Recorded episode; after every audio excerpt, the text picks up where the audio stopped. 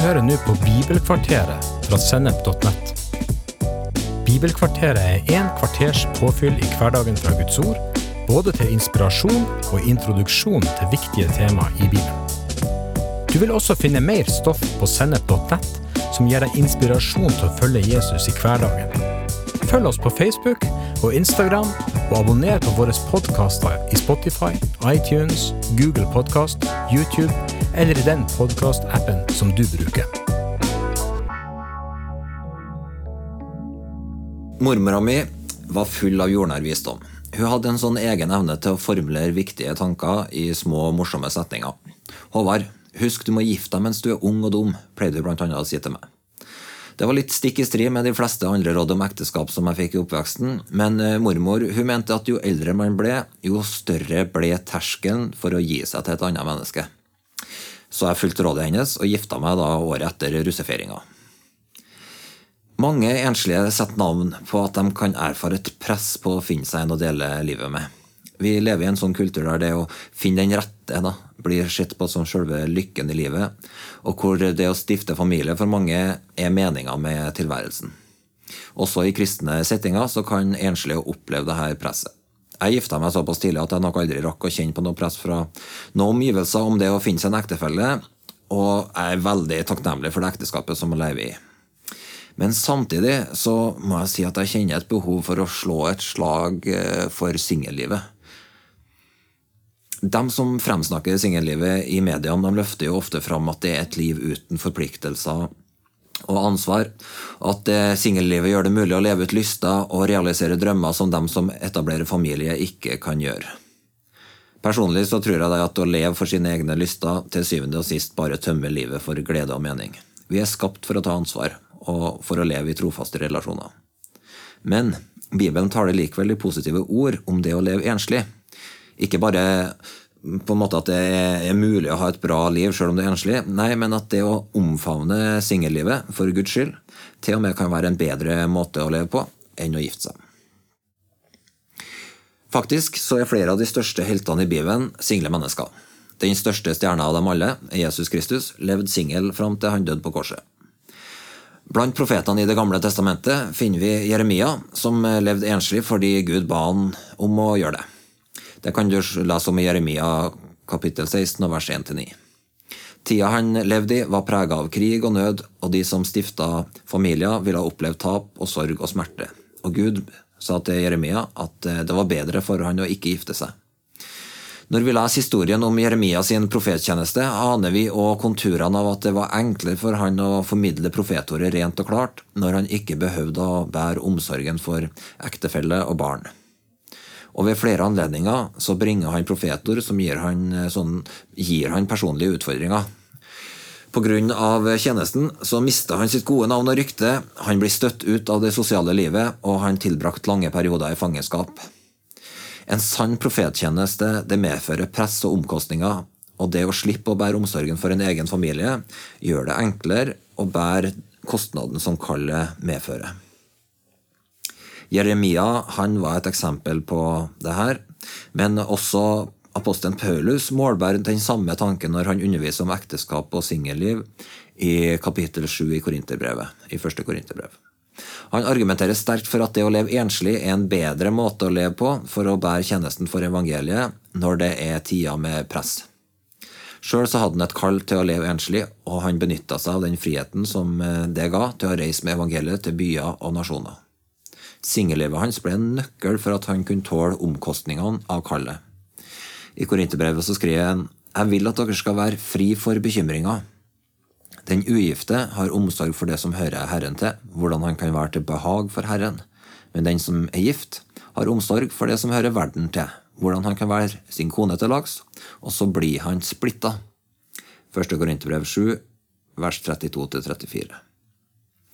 Så Paulus argumenterer altså med at det for Guds skyld er gode grunner for å leve som enslig. Og så oppmuntrer han unge kvinner og menn til å vurdere singellivet for å gi seg helt og fullt til tjenesten for evangeliet. Når Paulus skriver om å leve ugift, så sier han at mennesker har ulike nådegaver. Det er i vers 7 i kapittel 7. Og på samme måte som vi trenger nåde fra Gud til å leve i ekteskapet, så trengs det også nåde for å leve ugift. Å leve ugift for Guds skyld innebærer altså at du får en gave, en nådegave fra Gud til å leve alene.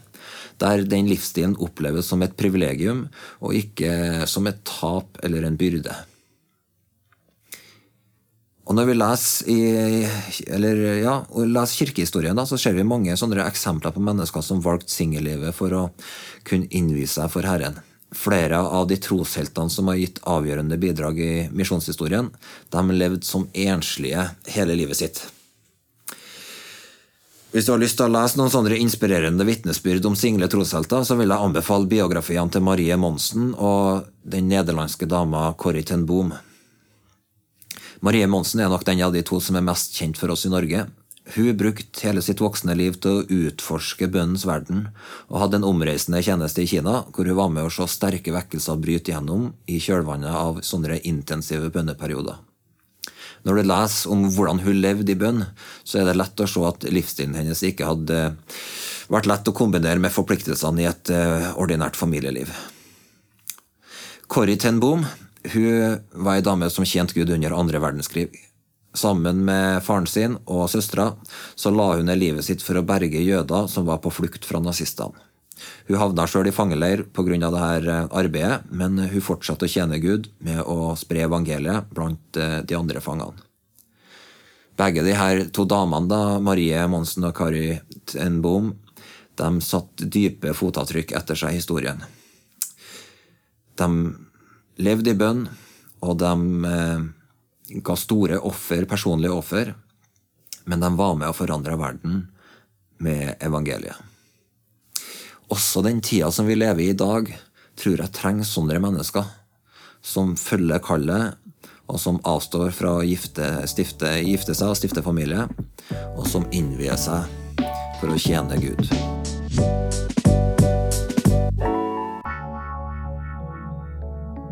Men Bibelen forteller også om mennesker som hadde en fase i livet hvor de levde i et samliv, men som deretter innvia seg til å leve enslig. Når eh, Lukas forteller historien om Jesu fødsel, så løfta han fram Anna, Fanuels datter, som var en profet. Anna hun ble enke i ung alder etter å ha vært gift i sju år. Og så levde hun resten av livet sitt, et langt liv, i bønn, og hun tjente i tempelet. Hun hadde en sånn profetisk tjeneste og gjorde et viktig åndelig arbeid i tida rundt Jesu komme til verden. Også i den der nære omgangskretsen til Jesus så finner vi flere enslige mennesker med forskjellig bakgrunn. Maria Magdalena blir nevnt blant kvinnene som gjorde tjeneste sammen med Jesu tolv apostler. Hun ble helbreda fra sju onde ånder og forlot sitt gamle liv for å følge Jesus. Ifølge kirketradisjonen så levde hun som prostituert før Jesus satte henne fri. Det står om hun at eh, hun sammen med flere andre kvinner fulgte Jesus på reisene hans, og at de ga av det de eide for å bistå Jesus og de tolv. Hun ble en eh, tydelig skikkelse blant disiplene, og ble også betrodd å være det første øyenvitnet som møtte Jesus etter oppstandelsen. Å miste en ektefelle eller oppleve at et ekteskap går i stykker, det er en sånn dramatisk livskrise. Men Faktisk for noen så medfører en sånn krise også en ny overgivelse til kallet. Å legge det gamle bak, forsone seg med tapet og gi seg til kallet kan innlede en ny fase i livet med større frihet til å tjene evangeliet. For mange så kan det faktisk også være en døråpning til å oppleve vennskap og fellesskap på helt nye måter. For de enkene og de enslige som var rundt Jesus, så ble nok overgivelsen til kallet også starten på en ny måte å leve i fellesskap med andre mennesker på. De erfarte dype vennskap, de hadde kallet sammen, og de eh, levde sammen, beskriver evangelistene, i en sånn praktisk og jordnær omsorg for hverandre. Og Jesus og flokken hans de demonstrerte for all ettertid at det fellesskapet som Jesus bygger, det er ment å være et familieliv også for dem som lever alene. I kristen tenkning så tror jeg vi kan si at ekteskapet er vel så viktig for Gud som for mennesker. Fordi denne enheten mellom mann og kvinne da, den gjenspeiler Guds natur på en unik måte. Og, og Gud han bruker ekteskapet mellom mann og kvinne til å uttrykke sitt bilde på jorda og til å gjennomføre sin plan for verden. Dette finner du beskrevet i skapelsen i Første Mosebok, kapittel 1 og 1-3. Ekteskapet det er også selvsagt en god og trygg ramme for mennesker sitt liv. Men det, det er viktig å understreke at mennesker kan leve et fullverdig og meningsfylt liv i Guds plan uten å stifte en familie. En kristen forståelse av å leve et meningsfylt liv, det er å leve livet til Guds ære, uavhengig om du er gift eller enslig. Den store kløfta da, som oppstår mellom en bibelsk tenkning om samliv og den sekulære forståelsen av det, det er at Bibelen setter Gud i sentrum for mennesker sine liv. Så det å leve enslig det er helt og fullt meningsfylt når en lever for Jesus. Og det å gifte seg og stifte familie det er også meningsfylt når en gjør det for Jesus. Men uten Gud i sentrum for livet, så er det i en bibelsk tenkning livet prega av mangel på mening, både når man er enslig og når man er gift. Historien viser oss betydninga av sånne troshelter som bruker singellivet til å leve for Herren. Også den tida som vi lever i nå, trenger folk som er villige til å innvie seg til å leve på denne måten. Og jeg tror vi kanskje trenger på nytt igjen å løfte fram kallet til å leve alene, og til å heie på alle sånne single hverdagshelter. Så til slutt, til deg som er singel, har du tenkt på om du kanskje faktisk har et kall og en nådegave til å fortsette å leve enslig? Verden trenger flere single hverdagshelter. Kanskje kan du være en av dem.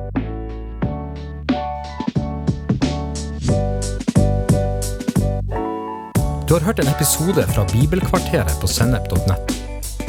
Du vil også finne mer stoff på sennep.nett som gir deg inspirasjon til å følge Jesus i hverdagen. Innholdet på Sennep er gratis og tilgjengelig for alle, takket være økonomisk støtte fra kristent nettverk, menigheter og enkeltpersoner. Du kan også hjelpe oss ved å be for oss at vi skal forkynne ordet med frimodighet, ved å dele innholdet vårt med venner og bekjente ved å rate podkastene våre på iTunes eller i podkastappen som du bruker. Eller ved å gi en engangsgave på VIPS. VIPS nummer 54 66 68. VIPS nummer for at du lytter til sennep.no.